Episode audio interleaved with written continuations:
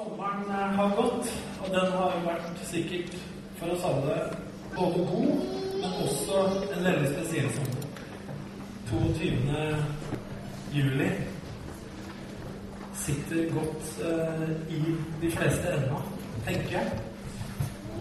Eh, vi, hadde, vi hadde jo felles gudstjeneste her eh, søndag 23., to dager etter at Utøya tragedien eh, hadde skjedd. Og det var, det var, veldig godt å komme sammen. Eh, utrolig godt å treffes.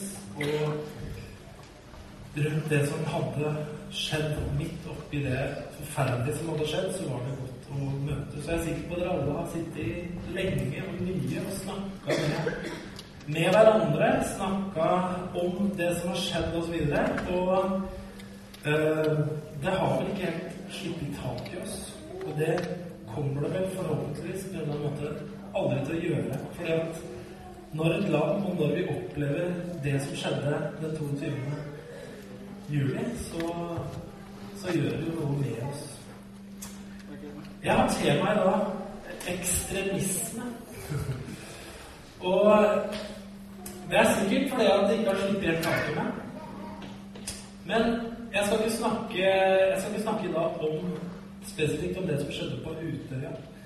Men jeg har lyst til å snakke litt om La oss kalle det den ånd som ligger i det å bli en ekstremist. Da mener jeg ikke ånd i den betydning av en ond ånd, eller noe sånt, men en ånd i betydning av hvordan et menneske kan tenke, føle og resonnere og få, en, få noen logikker som fører til at man blir så ekstrem at man er i stand til og totalt eh, sette nullverdi på andre mennesker. Som han må ha gjort når du er i stand til å ta liv på den måten der. Eh, jeg har tenkt også å snakke litt om det, for alle vi som er her, vi, vi, er en del av det norske samfunnet. Vi er en del av byen vår. Vi er en del av lokalsamfunnet vårt, og vi er en del av, i hvert fall mange av oss, en del av en kirke, en menighet. Eh, og det med ekstremisme, det å bli ekstrem, det Det er egentlig ikke noe positivt som regel. Spørs hvilken sammenheng man bruker. Jeg har øh, reflektert litt over det her lenge, egentlig. Jeg skrev en kronikk i KS øh, i forrige uke, som kom inn i forrige uke, som øh, mange av dere har lest. Hvis du ikke har lest den, så vil jeg gjerne at du leser den. Eh, det syns jeg faktisk du skal gjøre. K-s.no, så finner du en kronikk som heter 'Det kristenkonservative gruset'. Jeg har fått utrolig mye respons på denne artikkelen. Hver eneste dag har det vært eh, Facebook, SMS, mailer, telefoner Masse, masse respons på det. Det kan du gjerne lese. Og det har noe med litt ekstremisme å gjøre. Saken er hvorfor jeg også har lyst til å snakke med deg, både fordi at vi er en del av byen vår, vi er samfunnsborgere. Vi trenger å se litt på det her. Det andre er det at vi også er en del av en forsamling, som jeg sa. Og de her mønstrene som leder fram til ekstremisme, den måten å tenke på, de mekanismene, har jeg sett Kanskje ikke så mye de siste årene, men jeg har sett det i mitt eget liv. Og jeg har sett det mange ganger i mange sammenhenger i våre kristne sammenhenger. Og sånn type ekstremisme det er med å ødelegge et samfunn, og det er også med å ødelegge kirker, om det får hippe oss. Derfor har jeg lyst til å snakke litt om det, sånn at vi kan ta med oss litt på det her. Eh, for historien viser oss at ekstremisme, det å bli ekstrem, det ligger ikke så fjernt unna oss mennesker. Det er ikke sånn at det er noen få aller få mennesker som er kapable til å bli ekstremister. Det ligger nærmere oss mennesker enn vi noen ganger kanskje er villige til å innrømme. Eh, og Sånn sett så har vi gjennom historien mange eksempler både på politisk og religiøs ekstremisme. Politisk sett så har vi ganske nær historien F.eks. med Nazi-Tyskland, som eh, skapte andre verdenskrig, som totalt krevde sånn ca. 70 millioner menneskeliv andre verdenskrig. Eh, og mange er fortsatt i live i dag av de som opplevde andre verdenskrig. 70 millioner mennesker er sånn ufattelig tall som ikke vi kan begripe. Eh, så det er historiens mest kostbare konflikt i forhold til tap av mennesker. Eh, og der, historien er jo at det var en, en gal mann som hadde en filosofi, som hadde en drøm om et germansk herrefolk som skulle styre verden og nærmest gjøre verden til et hvitt paradis. Det var bare om å gjøre å fjerne alle som han mente noe annet. Alle som sto i veien for drømmen, de måtte fjernes. Og da var det spesielt jødene som det gikk utover, som ble målgruppa. Det var de som først og fremst sto i veien for at Hitlers drøm kunne bli til virkelighet. Og da har vi det som heter holocaust, som, betyr, som er gresk, som, som betyr fullstendig. Det ble ofte brukt om brennoffer. Som førte til at seks millioner jøder ble systematisk avretta under andre verdenskrig. Det tallet er så ufattelig, men jeg tenker litt på det nå. Nå, det, nå har vi et titalls mennesker som har opplevd dette her på Utøya. Og vi som nasjon har blitt rysta av det. Og det på en måte gjør noe med oss. Jeg litt hva har det egentlig gjort med jødene og deres identitet eh, i forhold til at seks millioner av deres slektninger har blitt utrydda systematisk i løpet av fem år. Det gjør jo noe med et folk. Selvfølgelig gjør det det. Det kan jo være verdt å ta med seg i sammenhengen. Eh, det som var spesielt med det, var at eh, selv om alle ikke var frivillig med på det på en måte, så var det jo i stor grad til folk som ble ekstremister. Tyskerne fremst i teknologi, fremst i forskning, fremst i utdanning på mange, mange områder, de ble ekstremister. Vi har eh, andre historier som er nær oss, f.eks. en historie fra Kambodsja på 70-tallet. Pol Pot, en kommunistisk leder, hadde en revolusjonsbevegelse. Han hadde sin bevegelse med røde khmer.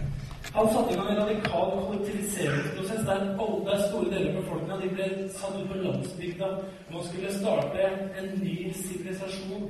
Drømmen var å skape dette bondesamfunnet igjen. Og alle som ikke var med på det, de måtte fjernes. De som sto i veien for drømmen, de måtte fjernes.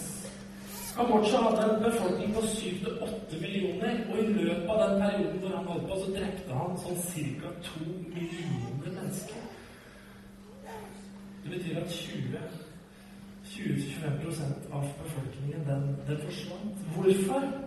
Fordi de sto i veien for den drømmen som han hadde om det ideelle samfunnet.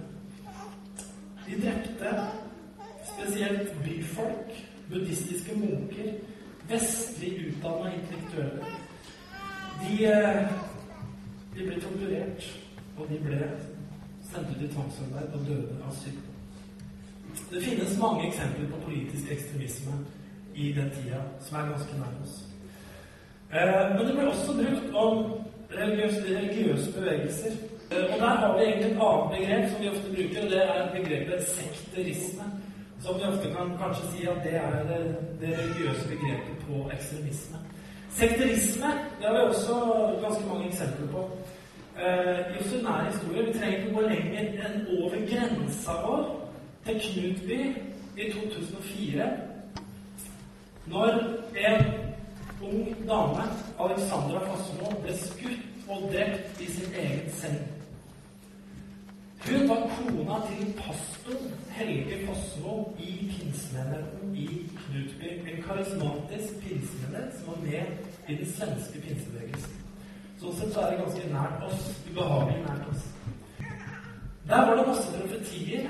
Det var en drøm om en ideell menighet. Det var en drøm om en vekkelse. Det var en drøm om Guds renhet. Det var en drøm om at Guds rike virkelig skulle komme i denne forsamlingen, ut fra denne forsamlingen, osv., osv. Greia var bare at det vokste opp en tanke om at det var noen eller noe som sto i veien for at det store gjennombruddet kunne komme. Kona til pastoren Alexandra Fossmo hun ble på en måte en av dem sammen med mye annet virvar, som gjorde at denne pastoren fikk manipulert og overbevist og lurt denne barnepiken vi hadde som het Sara Svensson, til en natt å gå inn og skyte kona hans. Det er ikke så lenge siden. Det er ikke så fjernt fra oss. Det er rett på grensa. I 2004. Det fins andre eksempler. Wake Up Texas. husker sikkert mange av dere om en stor gård som brant. En leder som het eh, pastor som het David Koresh, han hadde utvikla en tro på at dommedagen hadde kommet. Og de, de låste seg inne. 76 mennesker de døde i de ruinene når allting gikk i lufta. Kvinner og barn de må dø. Eller en annen historie som jeg leste for ganske lenge siden om en som heter Jim Jones. Er det noen som har hørt om Jonestown? Er det noen som husker det? 1978.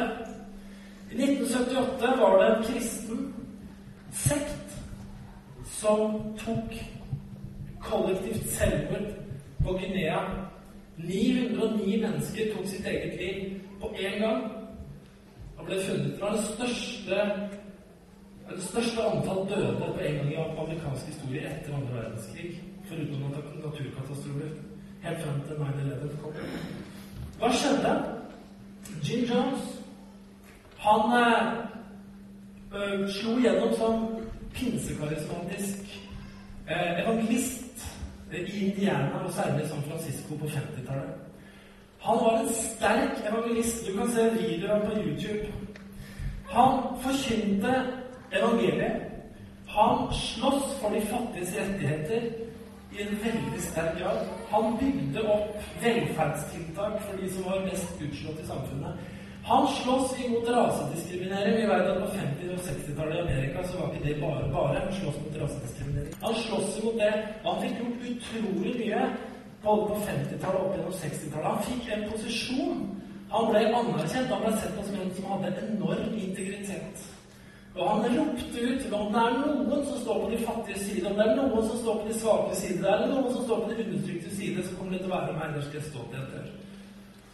Så hadde han en tanke om at dersom alle hadde bare delt av sin overflod, typ apostlenes gjerninger, alle delte alt, og ingen mangla noen ting Om alle hadde gjort det, så hadde alle hatt det bra. Det ble hans store budskap. Vi må dele, vi må dele, vi må gi alt vi har til alle, så alle får det bra. Og så kommer det et punkt hvor det her ikke går helt opp. Han får ikke det til å funke, så han bestemmer seg vi må flytte fra dette ugudelige, elendige stedet, så vi må gi opp. Og de kjøpte seg en eiendom på Guinea, hvor de etablerte Jonestown. Over 1000 mennesker fra menigheten dro til Guinea og startet Jonestown. Et stort landbruksbasert eh, fellesskap hvor målet var at alle skulle ha det bra, de skulle dele alt osv. Men det var ikke alltid fungert så bra. Og det gikk han mer og mer på nervene etter hvert som året gikk. Han begynte å bruke narkotiske stoffer. Han begynte å tale mer og mer om at det var en annen virkelighet, et Guds rike, som var borte fra denne verden og på den andre siden. Han ble pressa av myndighetene etter hvert pga. legitime ting. Og etter hvert så endte det da med den talen det går an å eh, lese, den talen det går an å høre, som han holdt når han ledet alle disse menneskene inn til å ta sitt eget liv. Påskuddet var at de skulle forlate denne elendige verden for å komme til et bedre sted. Endelig skal vi få vår frihet. Sykepleierne i menigheten, eller sekten, de gikk først rundt og ga cyanid til alle de små barna.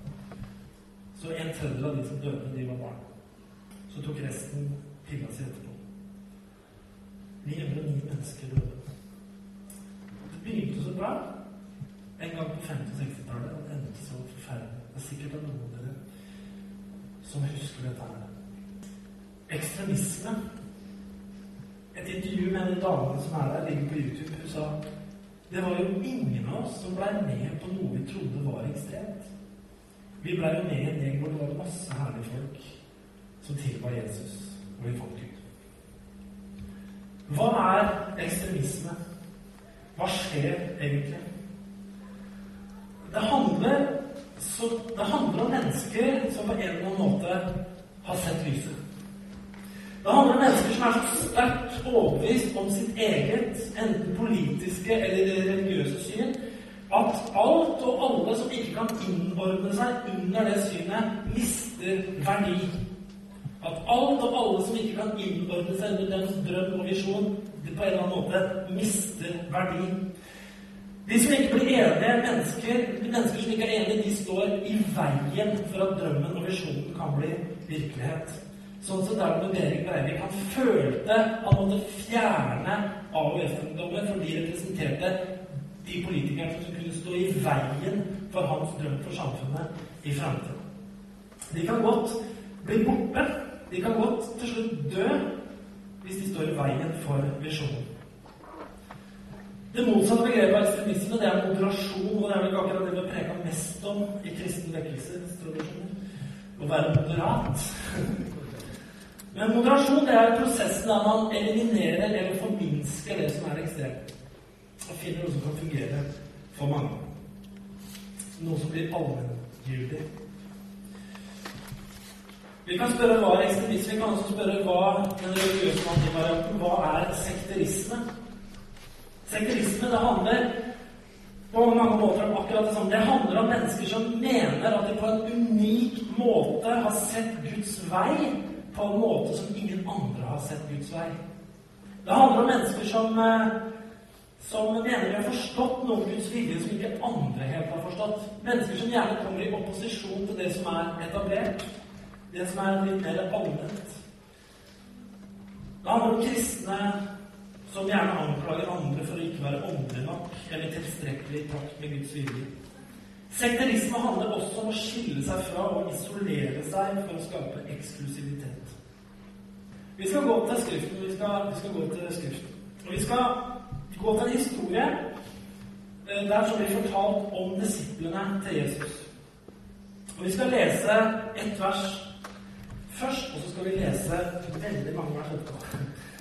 Vi skal lese, for det står i Lukas 9, 52-54, en hendelse som jeg hadde med den kronikken jeg skrev også. Vi skal snakke litt rundt den. Der står det nemlig om Jesus. Eh, Lukas 9, 52-54. Han sendte bud foran seg, og de dro av sted og gikk inn i en samaritansk by for å skaffe ham husly. Men der ville de ikke ta imot ham fordi hans ansikt var vendt mot Jerusalem. Da disiplene Jakob og Johannes fikk høre dette, sa de, Herre, vil du at vi skal bli ild og fare ned fra himmelen og fortære dem? Dette var altså en samaritansk landsby. Jeg vet ikke hvor mange mennesker det må være før man definerer at noen er en landsby. Det ser jeg for meg det må i hvert fall være 100 mennesker, for at det er en landsby. Kanskje det var 200-300 mennesker som bodde der. Det var en landsby. Der hadde de kommet og spurt eh, vi har Jesus her. Han trenger et sted å sove i natt. Men de ville ikke det fordi hans ansikt var vendt mot Jerusalem. Han var jo jøde. Det hadde ikke de da lyst til. De var samaritanere og sto et annet sted. Så når de fikk avslag på rom til Jesus, så tenker disse to disiplene da tenker de at en passende løsning på det her altså Dette er utrolig irriterende. rett og slett. Dette er, De blir rett og slett rasende over at de ikke tar imot oss og vår mester. Så kanskje de rett og slett skulle be ild fare ned fra himmelen og bare drepe alt som er i hele byen. Ja. Og de mente det. De spurte til og med Jesus om det er, er det passende nå. Og da spør jeg meg hvordan, og Jesus svarer jo ganske krass på det, skal vi komme tilbake til det. Hvordan kommer de fram til den konklusjonen at det mest passende her i denne situasjonen, det er at eh, det kommer ild ned fra himmelen og knuser hele byen og dreper alle som bor der? Hvordan kommer de fram til det? Hva har skjedd i forveien, egentlig? For jeg tror kanskje ikke det at de en stund tidligere, før de møtte Jesus, mens de var fiskere og var ute i båten sin, hvis ikke de fikk husrom en natt, kunne komme på tanken at la oss, eh, la oss utslette hele byen, rett og slett. Hva har skjedd? Nå skal vi gjøre noe som jeg ikke veldig ofte gjør, men som det blir oppfordret til. Vi vil legge vind på skriftlesningen. Jeg skal lese Lukas evangelium. Du kan høre. Skal jeg prøve å lese litt om levende og sånn? Lukas evangelium, kapittel 9 fra vers 1, og så skal jeg lese helt til vers 55. Det er mange vers. Hvorfor gjør jeg det? Jeg gjør det fordi at du skal høre alt disiplene har vært med på før de kommer til det punktet hvor de spør om husly til Jesus. Alt de har opplevd i løpet av en ganske kort veldig kort periode. Her i Bibelen er det ett kapittel. Det er nok sikkert i løpet av noen dager. Men allikevel, la oss høre hva de har vært med på. Lukas 9 fra vers 1. Han kalte sammen de tolv og ga dem makt og myndighet over alle onde ånder og til å helbrede sykdommer. Han sendte dem ut for å forkynne Guds rike og helbrede syke. Han sa til dem, ta ikke noe med dere på veien, verken stav eller skreppe. Det betyr altså noe å ha ting i, en veske. Eller brød eller penger. Heller ikke skal dere ha to kjortler hver. I det hus hvor dere kommer inn, skal dere bli, og derfra, derfra skal dere dra videre. Men er det noen som ikke vil ta imot dere, så gå ut av byen. Det er noe annet enn å ødelegge, forresten. Og dere skal riste støv av føttene til et vitnesbyrd mot dem. De gikk så ut og dro fra by til by, og de forkynte evangeliet og helbredet folk overalt.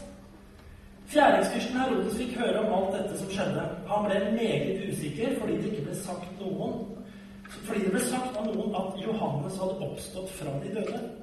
Men andre sa at Elias hadde vist seg igjen. Andre igjen at en av profetene, en av de gamle, var oppstått. Og Herodes sa, 'Johannes lot seg halshogge, men hvem er så han som jeg hører slike ting om?' Og han søkte å få se ham. Apostelen kom tilbake og fortalte ham alt det de hadde gjort. Han tok dem da med seg og dro tilbake for å være for seg selv i en by som het Betzaida. Men folket fikk vite det, og de fulgte etter ham. Han tok vel imot dem og talte til dem om Guds rike, og han helbredet den som trengte regelen. Men dagen begynte å helle. De tolv kom da til ham og sa, send folket fra deg, så de kan gå bort til landsbyene og bygdene her omkring, hvor de kan ta inn og få seg mat. For det er det stedet vi er på, det er et øde sted. Han sa da til dem, dere skal gi noe mat. Men de sa, ja, vi har ikke mer enn fem brød og to fisker. Hvis vi da ikke skulle gå bort og kjøpe mat til hele denne folkemengden For det var omkring 5000 menn. Da sa han til sine disipler la dem sette seg i flokker på omkring 50. De gjorde det så, og alle fikk sette seg. Og Så tok han de fem brød og de to fiskene, så mot himmelen, velsignet dem. Han brøt dem og ga til disiplene for at de skulle dele til folket. Alle spiste og ble mette. Og da de samlet opp de stykkene som var blitt overs etter det, ble det tolv kurver. Det skjedde en gang han var alene i bønn, og disiplene var sammen med ham. Da spurte han dem hvem sier folk at jeg er. De svarte eh, Johannes døperen. Andre sier Elias. Andre en profet. En av de gamle. En av de som har oppstått. Han sa til dem men dere, hvem sier dere at jeg er? Da svarte Peter og sa Guds Messias. Men han forbød dem strengt å si dette til noen. Han sa menneskesønnen skal lide mye og bli forkastet av de eldste og ypperste prestene og de skriftlærde. Han skal bli slått i hjel, og på tredje dag skal han oppstå. Han sa til alle, om noen vil komme etter meg, da må han fornekte seg selv og hver dag ta sitt kors opp og følge meg. For den som vil berge sitt liv, skal miste det, og den som mister sitt liv for min skyld, han skal berge det. For hva gagner et menneske om han vinner hele verden, men mister seg selv eller tar skade på seg selv? For den som skammer seg over meg og mine ord, han skal også menneskesønnen skamme seg ved når han kommer i sin Faders herlighet og de hellige englers herlighet. Men jeg sier dere for sant, noen av dem som står her, skal ikke smake døden før de ser Guds rike. Omkring åtte dager etter at han hadde sagt dette, skjedde det at han tok med seg Peter, Johannes og Jakob og gikk opp i fjellet for å be. Og mens han ba, ble hans ansikt annerledes, og se til hans klær ble skinnende hvite. Og se, to menn samtalte med ham. Det var Moses og Elias. De viste seg i herlighet og talte om hans bortgang, som han skulle fullbyrde, i Jerusalem. Peter og de som var med ham, var tynget av søvn. Men da ble de brått fullt våkne, for de så hans herlighet og de to menn som sto sammen med ham. Og det skjedde idet de skulle skilles fra ham, at Peter sa til Jesus, 'Mester, det er veldig bra at vi er her. La oss bygge tre hytter. En til deg, en til Moses og en til Elias.' Han visste ikke hva han sa. Mens han talte, kom en sky og overskyet og de ble forferdet da de kom og de ble forferdet da de kom inn i skyen. Da kom en røst ut fra skyen. 'Dette er min sønn, min utvalgte. Hør ham!' Da røsten kom, så de ingen utenom Jesus alene. De tidde stille fortalte ingen i de dager noe av det de hadde sett. Det skjedde dagen etter, da de kom ned fra fjellet, at en stor folkemengde kom i møte med ham. Og se, en mann med engler ropte ut, 'Mester, jeg ber deg, send min sønn, han, han er min eneste.' Se, en ånd griper om ham så brått at han setter i skrik, og det sliter ham, og han fråder. Det er bare så vidt den ikke slipper ham, og ille farer det med ham. Jeg ba dine disipler at de skulle drive den ut, men de maktet ikke. Jesus svarte og sa, Du vantro og vrange slekt, hvor lenge skal jeg være hos dere og tåle dere, før sønnen hit? Men før gutten var kommet fram, rev og slet en onde ånd i ham. Men Jesus truet den urene ånden. Han helbredet gutten, gutten og ga ham tilbake til hans far. Alle var ute av seg av undring over Guds storhet. Men mens alle undret seg over alt han gjorde, sa han til sine disipler, gjem disse ord i deres ører. Menneskesønn skal bli overgitt i menneskers hender. Men de skjønte ikke dette ord. Det var skjult for dem. Så de kunne ikke fatte det. Og de fryktet for å spørre ham om det han hadde sagt.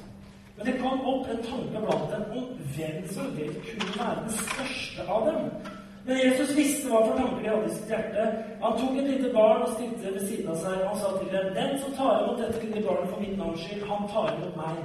'Og den som tar imot meg, han tar imot han som har sendt meg.' 'For den som er den minste iblant dere, han er stor.' Da svarte Johannes og sa, 'Mester, vi så en som drev ut onde ånder ditt navn, og vi forbød ham det, fordi han ikke er i følge med oss.' Men Jesus sa til ham, Forby det ikke, for den som ikke er imot dere, er for dere. Og det skjedde da det led mot timen da han skulle opptas. Da vendte han sitt ansikt mot Jerusalem for å gå dit. Han sendte bud foran seg. De dro av sted og kom inn i en samaritansk by for å gjøre i stand for ham.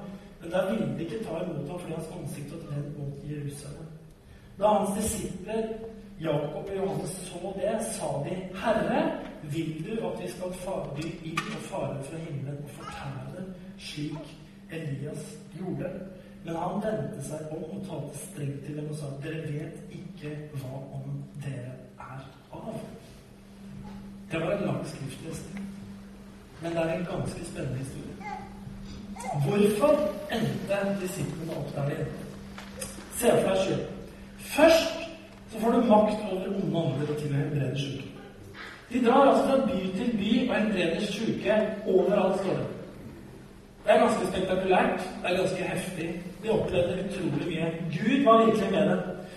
De så også at Jesus underviste folk og helbreda mange syke hele tida. De så at fem fisker og to brød ble nok til å mette 5000 mennesker, og det ble tolv kurver til overs. De forstår hvem Jesus er. Tenk deg det, den litt eksklusive følelsen du kanskje kan få hvis du er ca. 20 år gammel. Som disse her var. De var unge, i hvert fall. Ca. 20 år, og de oppdager at han som de har begynt å gå sammen med, det er han der. Det er Messias som jødene har venta på i hundrevis av år. Som alle har gått og venta på, som er hele verdens frelser. Og så er plutselig jeg blant hans nærmeste. Det er jo ganske eksklusivt å liksom være med på teamet til Guds egen sønn. Forholdsvis. Og så ikke nok med det. Noen av dem de er oppe på fjellet med Jesus, og de ser at Jesus blir herliggjort. Moses og Elias kommer ned, og de hører en stemme fra himmelen, fra skyen, som snakker om Jesus. De opplever ganske spektakulære ting, de gutta her. De ser at Jesus driver en ung ånd ut av en hjelpeløs gutt. Jeg kan tenke meg, når jeg leser denne historien her, at de følte seg ganske eksklusive etter hvert. Hvis du hadde spurt en av de har du opplevd noe bra med Gud i det siste. Ja. Jeg driver ut masse måneder, helbreda sjuke i alle byer. Var inne i en sky her en dag, snakka med Moses og Elias og Jesus og hørte Gud som talte med en hørbar stemme fra himmelen. Og eh, vi, har, vi, er sammen med Messias, forresten, og ja, vi har opplevd det i det siste.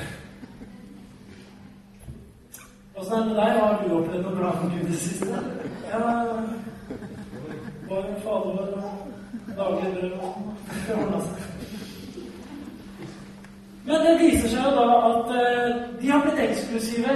Det er en som driver ut onde ånder, som ikke er sammen med oss. Det er en som driver det samme som vi gjør, men han er ikke i vår gjeng. Hva skal vi gjøre med han? Vi burde vel eh, forby han å holde på, kanskje? Nei, det burde vi ikke gjøre. Det er helt ok, sier Jesus. Og så kommer det til denne situasjonen her hvor de finner ut at det er passende å utslette byen. Jesus irettesetter dem strengt, snur seg til dem og taler. Dere vet ikke hva ånd dere er av. For menneskesønnen er ikke kommet for å ødelegge menneskeliv, men for å frelse. Men for å frelse. Hør nå. Dette her er noe som Jesus selvfølgelig slo hardt ned på. Dette er noe av sekterismens vesen. Dette er noe av det som kan kalles ekstremt, hvor mennesker mister verdi fordi de er ikke enige med oss. De er i dette tilfellet ikke enige med oss i at Jesus må få husly. Ergo har de ingen verdi lenger. De kan godt dø. Det er logikken, for å sette på spissen. Derfor kaller jeg det ekstremismens ånd. Det står mye om forskjellige begreper og måter å bruke ånd på i Bibelen. Så f.eks. at man kan ha en mild og stille ånd i 1. Peter 3-4. Man kan også ha en Har du brukt uttrykket noen Det var en hard ånd. Det var en hard ånd med den personen. Ikke sant? Det kan vi godt finne ut. Det er ganske interessant å se denne historien her oppi alt sammen som vi har vært i. Eh, jeg skal lande nå, men eh, det finnes Avslutningsvis må jeg si litt om at det finnes grader av det som vi kan kalle sekterisme eller ekstremisme. Det finnes grader av det, men det finnes noen sånn prinsipielle måter å tenke på, noen mekanismer i måten å tenke på, som gjør at det, selv om det ikke er så mye av det, så kan det være en surdeig som ødelegger hvilket som helst miljø. Fordi alle er ikke like mye verdt. Det er bare de som opplever ting på min måte og tenker som jeg tenker, som har samme verdi. De andre er ikke så mye verdt. Det er B-laget, eller i verste fall De kan godt forsvinne. Og det, kjære venner, det burde enhver menighet vokte seg for. At ikke det fins sånne typer tanker, sånne typer mekanismer iblant oss som gjør at ikke alle er like mye verdt. At ikke alle er like mye satt pris på, at ikke alle er like mye elska osv. Er det noen som skjønner hva jeg snakker om? Bra.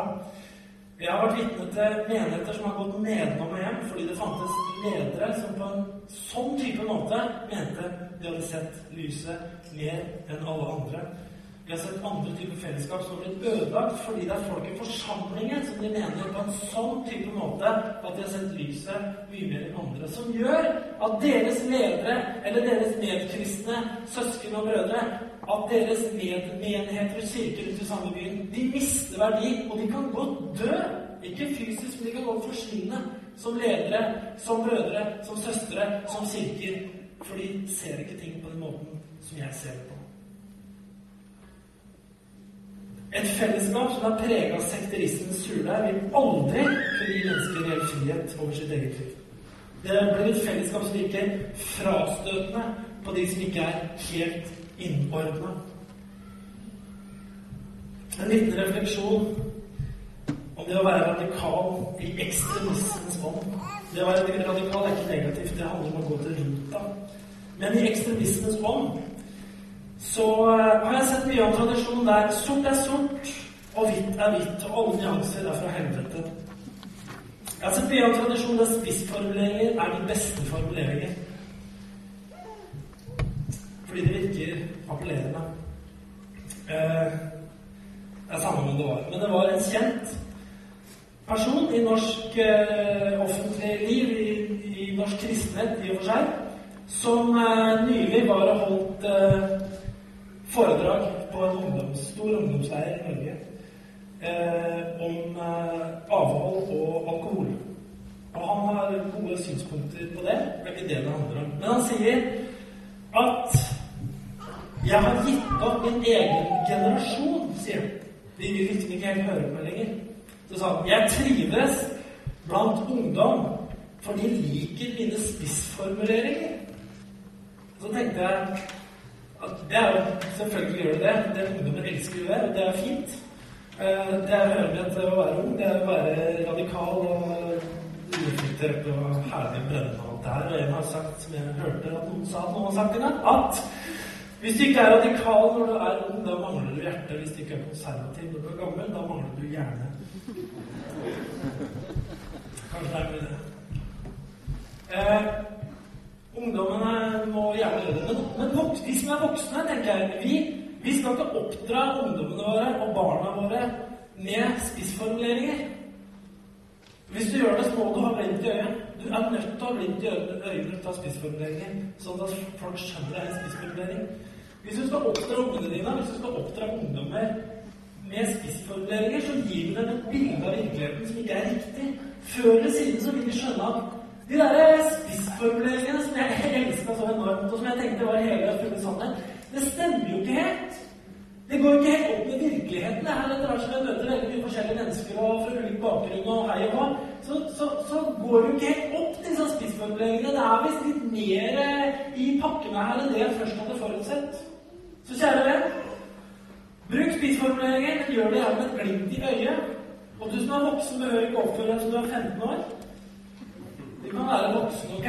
Og så lar vi 15- og 20-åringene være herlig spissformulerte, brennende folk som kjører på alt de orker. Amen? Grow up.